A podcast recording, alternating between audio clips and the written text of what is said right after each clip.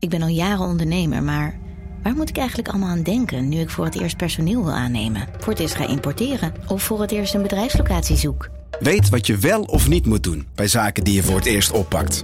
Check kvk.nl voor praktische stappenplannen. KVK, hou vast voor ondernemers. Hey podcastluisteraar. Ook op zoek naar een relevante invulling van je schaarse luisteruren? Tune dan in op de podcastserie ESG, even samengevat van BNP Paribas. Wij, Marloes en Aldert, spreken daar duurzame voorlopers en wereldverbeteraars. Waarover dan? Nou, bijvoorbeeld of we ooit duurzaam kunnen gaan vliegen. En waarom koeien in de stad nou een goed idee is? Dat en meer elke twee weken in een nieuwe aflevering. Dus abonneer je. ESG, even samengevat.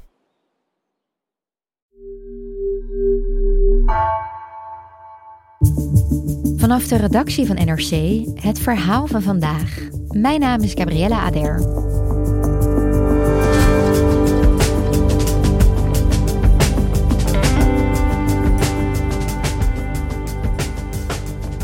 Al 30 jaar trekt modejournalist Milou van Rossum van catwalk naar catwalk. De laatste jaren valt het haar op dat de grote modehuizen zijn veranderd. Hun mode is verworden tot merchandise. Waar gaat mode nog over? En voor wie is het eigenlijk bedoeld?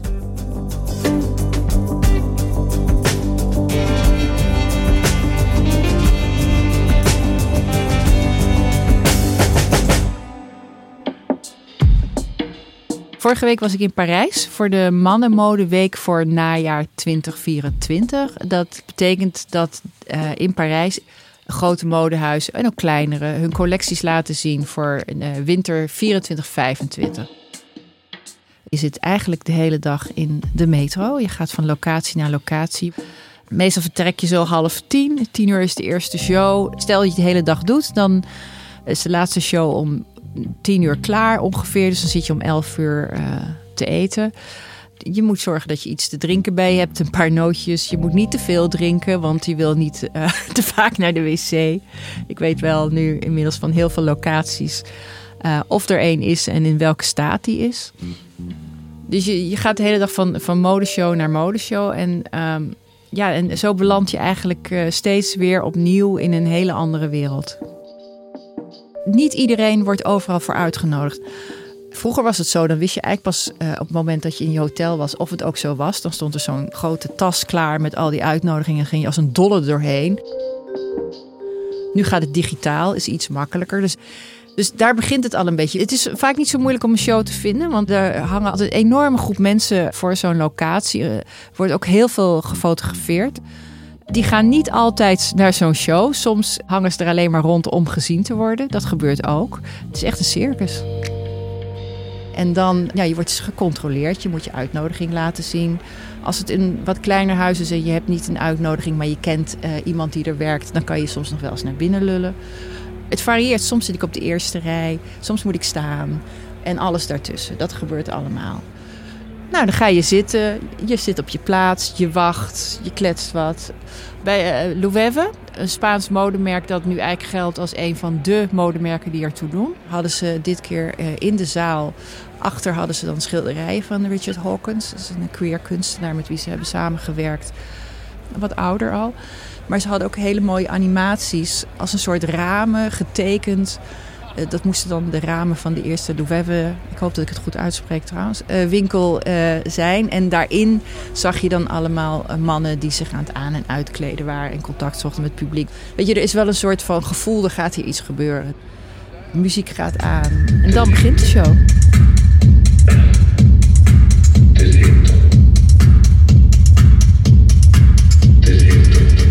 Als je echt een goede modeshow hebt, dan, dan valt echt alles samen. Dan heb je decor, je hebt de mode, je hebt de modellen, de make-up, je hebt muziek speelt een heel erg belangrijke rol ook. En als dat allemaal samenkomt, als dat allemaal klopt, vind ik het een soort ervaring die je ook kan hebben met uh, als je bijvoorbeeld een fantastische film ziet of een boek leest of een, een dansvoorstelling. Het kan echt iets bijzonders zijn. Dan krijg je een soort gevoel erbij, een verhaal erbij waardoor die kleding die je te zien krijgt opgetild wordt boven simpele kledingstukken. Maar wat heel veel mensen zich niet realiseren is dat de show zelf, die duurt meestal maar 10 minuten. Zo gaat het eigenlijk al sinds ik me kan herinneren. Maar je ziet de laatste jaren wel echt duidelijk iets veranderen. Het grote geld en social media hebben een enorme stempel op de mode gedrukt. Wat echt een grote ontwikkeling is, is dat die grote huizen echt blockbuster shows geven. En dat betekent dat ze echt heel veel sterren uitnodigen. En uh, als je aankomt, dan staan er dranghekken, daar staan honderden meisjes de namen te gillen van TikTokkers waarvan ik nog nooit de naam heb gehoord.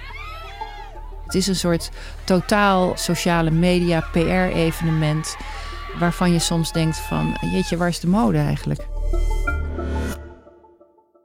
Ja, want Milou, jij schrijft dus al 13 jaar voor NRC in ieder geval, voor Ja. mode. Hè? En waar komt jouw liefde voor mode eigenlijk vandaan? Ja, ik ben daar een beetje mee geboren. Dat klinkt een beetje pathetisch, maar je hebt van die mensen die niet met de Barbie spelen, maar de kleertjes voor maken. En eh, zo, zo iemand eh, was ik. Dus ik maakte eerst poppenkleertjes en later voor mezelf. En ehm, ik weet niet precies waar het vandaan komt, maar ik heb, ik heb er altijd een ontzettende belangstelling voor gehad. Mode is natuurlijk iets transformatiefs, om, om zo maar iets te zeggen. Je, je hebt, ik denk dat je toch door je leven heen het leuk is om af en toe een soort, het, in elk geval de illusie te hebben dat je nieuwe gedaante kunt aannemen. En als journalist vind ik het heel interessant, omdat mode toch echt iets zegt over de tijd waarin je leeft. Ik denk als eh, heel veel mensen horen dat je eh, over mode schrijft, dan eh, krijg je ook heel vaak van, eh, oh, dat vind ik niet zo interessant, of daar heb ik niks mee, of dat is oppervlakkig, of ik doe daar niet aan. Ik zeg dan altijd, ja, maar kijk eens naar een foto van jezelf tien jaar geleden. En het is ook zo dat kleding is nooit zomaar iets. Er ligt altijd iets aan ten grondslag. Ik vind die scène uit The Devil Wears Prada, dat is een film over ehm Miranda Priestley, de hoofdredacteur van een modeblad. Zij heeft een nieuwe assistente, Andy. En die wil eigenlijk schrijver worden en kijkt met een beetje, nou ja, naar die modewereld van wat is dit voor malligheid. Dus er is wat gedoe over riemen. En die trekt weer zo'n blik. Something funny? No, no, no, nothing's, you know, it's just that both those belts look exactly the same to me. You know, I'm still learning about this stuff and, uh, This stuff? En Miranda Priestley barst dan los in een Oh. monoloog over de kleur van het truitje Okay, van I Andy. see. You think this has nothing to do with you. You go to your closet and you select, I don't know, that lumpy blue sweater, for instance. Want Andy denkt misschien dat ze boven mode staat en zomaar een truitje uit een rek heeft gegrist. What you don't know is that that sweater is not just blue. It's not turquoise. It's not lapis. It's actually cerulean. And you're also blithely unaware of the fact that in 2002, Oscar de la Renta did a collection of cerulean gowns. And then I think it was Yves Saint Laurent, wasn't it, who showed cerulean military jackets? And then cerulean quickly showed up in the collections of eight different designers. And then it uh, filtered down through the department stores and then trickled on down into some tragic casual corner where you no doubt fished it out of some clearance bin. However, Eigenlijk laat ze heel goed zien dat ook al denk je van ik koop gewoon een t-shirt of ik koop gewoon een blouse of ik doe daar niet aan mee, het maakt mij niet uit. Dat iemand heeft ooit nagedacht over wat jij het aantrekt. You're wearing a sweater that was selected for you by the people in this room from a pile of stuff. Dus zelfs als je denkt niks te hebben met de modewereld of met Fashion Week, dan toch hebben die wel invloed op wat je draagt natuurlijk. Hoe was zo'n Fashion Week vroeger? Het Fashion Week was vroeger echt een, eh, een evenement voor pers en voor inkopers en een paar celebrities misschien. De mode werd vroeger natuurlijk op een hele andere manier verkocht. Het werd vooral eh, verkocht, ik heb er geen Nederlands woord voor, maar in de zogenaamde multi-brand store. Dus dat zijn winkels waar meerdere merken worden verkocht. Inkopers die gingen naar zo'n show om de sfeer van zo'n show te krijgen. Daarna gingen ze naar de showroom om kleding te bestellen die dan een half jaar later in de winkel lag. En de pers en stylisten natuurlijk, die waren daar. Die deden dan soms meteen verslag van zo'n show met een paar fotootjes erbij. En de krant en modebladen gingen dan in de loop van zo'n half jaar naar het moment toe dat die kleren in de winkel waren, eh, modereportages maken. En zo werd je als, eh, dat herinner ik me ook nog, als nou ja, mode geïnteresseerde klaargemaakt voor het nieuwe seizoen. Maar dat is nu echt wel totaal veranderd. Ja, hoe is dat dan veranderd? Daar sprak ik over met Walter van Beirendonk. Kan je nog je eerste Parijse Fashion Week herinneren? Een eh, Belgische ontwerper, een klein modehuis heeft hij. Een van de weinige modehuizen die eigenlijk nog helemaal zelfstandig zijn. Uh, zeker en vast. Ja, ja, ja, ondertussen ongeveer 30 jaar geleden, hè, want dat was uh, begin jaren 90, dat ik mijn eerste show gedaan heb in, uh, in Parijs. En, um, en ja, dat was natuurlijk een ongelooflijk avontuur. Hij heeft de Fashion Week in al die jaren flink zien veranderen. Het, het was vooral, zeker in het begin van de jaren negentig, een uh, evenement voor um, uh, pers, een persevenement, vooral. Maar het was minder een, een celebrity moment. Want het is echt enorm veranderd en geëvolueerd. En ik heb nu het gevoel de laatste jaren dat het gewoon helemaal uit de hand aan het lopen is. Dat het uh, vooral gaat om de eerste rij, dat het vooral gaat om de celebrity die kan geboekt worden om uh, daar plaats te nemen. En dat het een beetje zijn functie verloren had. Zoals eigenlijk op de hele wereld hebben vooral de komst van influencers en sociale media een enorme impact gehad. Nu natuurlijk wordt elk ding onmiddellijk uitvergroot en getoond via social media. Dus op die manier is het ook totaal, heeft het een totaal andere functie gekregen. Fashion Week is eigenlijk een fashion festival geworden. Er zijn eigenlijk twee belangrijke veranderingen. De eerste is uh, internet. De foto's van zo'n show zijn meteen zichtbaar. Dus alle grote fast fashion ketens gaan aan de slag om het na te maken. Dat was de eerste grote verandering. De tweede was natuurlijk de mobiele telefoon, dat iedereen begon te fotograferen en te filmen. Um, Want hoe heeft dat dan de Fashion Week veranderd? Dat nou ja, je gewoon letterlijk meekijkt. Nou ja, vroeger moest je wel eens een schetsje maken. Als je, als je iets wilde. Maar iedereen zit de hele tijd te fotograferen. Het duurt heel lang voordat je applaus hoort. Omdat eerst iedereen zit dus een hele finale te filmen. Dat doe ik natuurlijk ook, want je wil het allemaal meenemen. En dan leg je pas je telefoon neer. Dus alles wordt bekeken door een scherm. Dat betekent dat die mode meteen overal is dat kan betekenen dat dingen heel snel een trend kunnen worden. Bijvoorbeeld, ik weet niet of je nog de herinnert, de Triple S van uh, Balenciaga, die enorme sneaker. Ja. De eerste keer dat ik het zag, dacht ik, wat, wat is dit? Maar het ging zo rond op internet dat je heel snel aan nieuwe dingen went. Wat je ook ziet is dat het uh, merk eigenlijk steeds belangrijker wordt dan het ontwerp. Het is echt een, een, uh, een moment uh, dat vooral wordt gebruikt voor extreme PR te doen. En voor mensen op patent te maken. Wij zijn hier, wij zijn hier, wij zijn hier. Je moet ons kopen, je moet ons kopen. Dus dat is vooral nu de functie geworden. Dus dan kun je zeggen, die, die zo'n modeshow, alles wat daar gebeurt... is eigenlijk promotie voor een merk.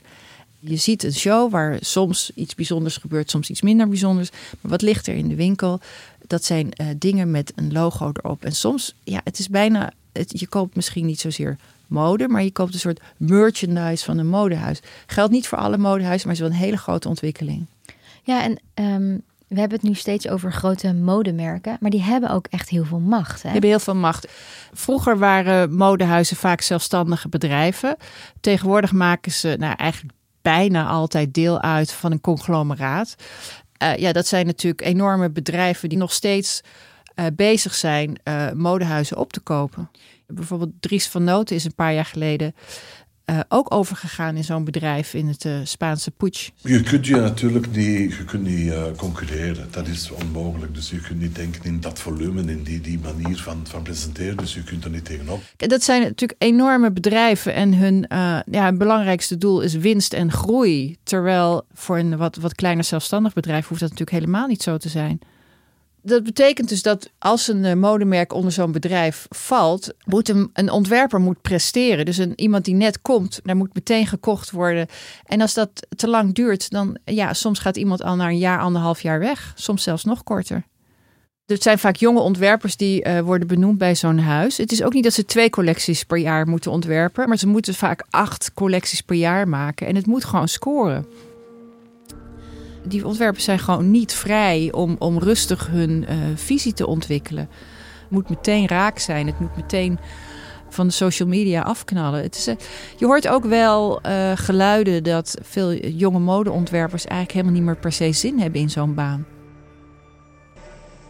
Ja, en de modeontwerpers die overblijven hè, en die op de Fashion Week hun, hun collecties tonen, voor wie is die mode dan bedoeld? Nou, heel veel uh, dingen die je op een catwalk ziet, worden nooit geproduceerd. Dat is al heel lang zo. Dat is al heel lang zo. Een, een, een, een modeshow is eigenlijk een verbeelding van een visie, van een gevoel wat je meekrijgt. En als het goed is, wordt dat gevoel zo goed overgebracht met die show dat als, zelfs als je een simpel t-shirtje koopt, dat je denkt dat je iets heel bijzonders in handen hebt. Dat is eigenlijk, dat is echt heel knap. Alleen wat belangrijk is geworden, is dat uh, heel veel uh, van die grote bedrijven, Chanel bijvoorbeeld, richten zich nu echt op hele rijke mensen. Dus Pharrell Williams heeft Louis Vuitton, de mannencollectie, overgenomen van Virgil Abloh.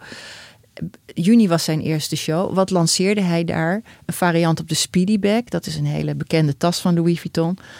Van krokodillenleer met goud en diamant.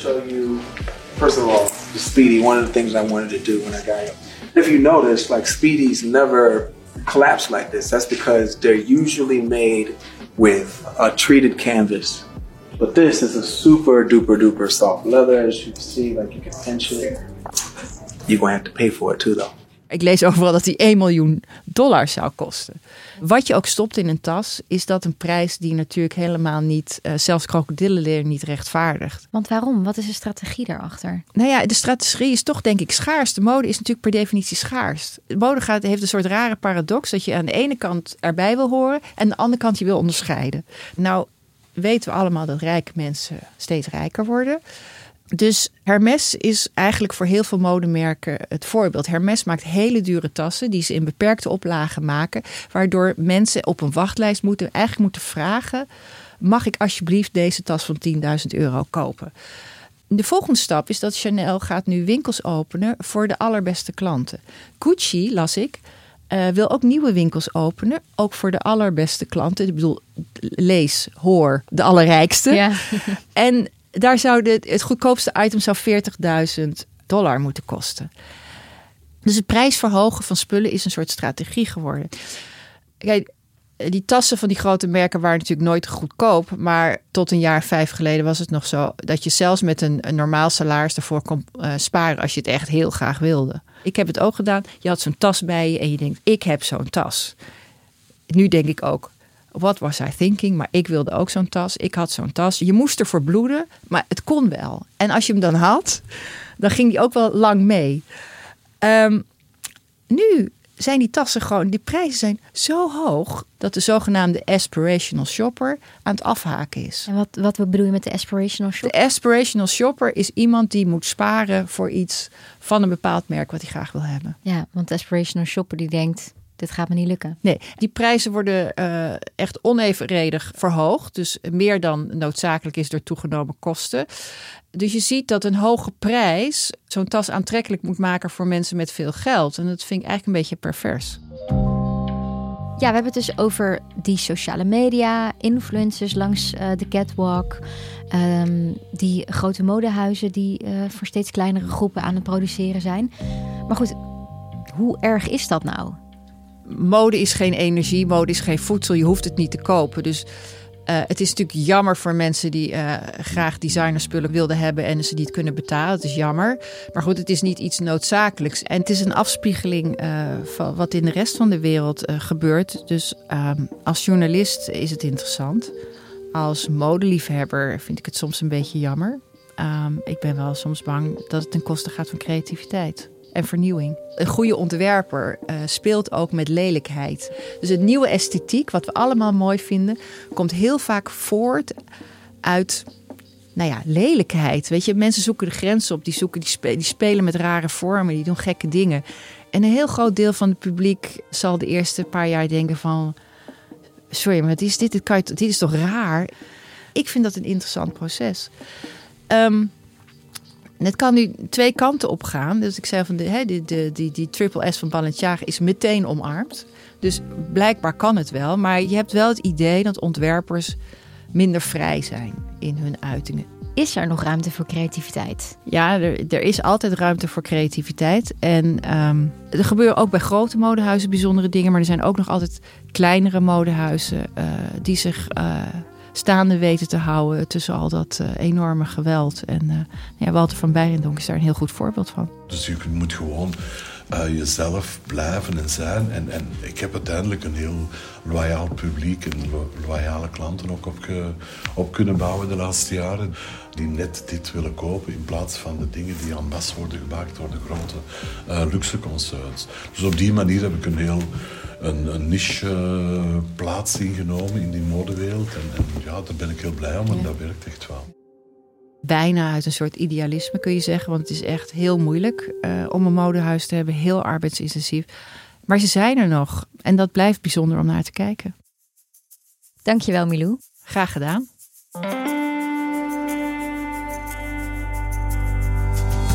Je luisterde naar vandaag, een podcast van NRC. Eén verhaal, elke dag. Deze aflevering werd gemaakt door Ignaas Schoot en Bas van Win. Coördinatie Henk Ruigrok van de Werven. Dit was vandaag, maandag weer.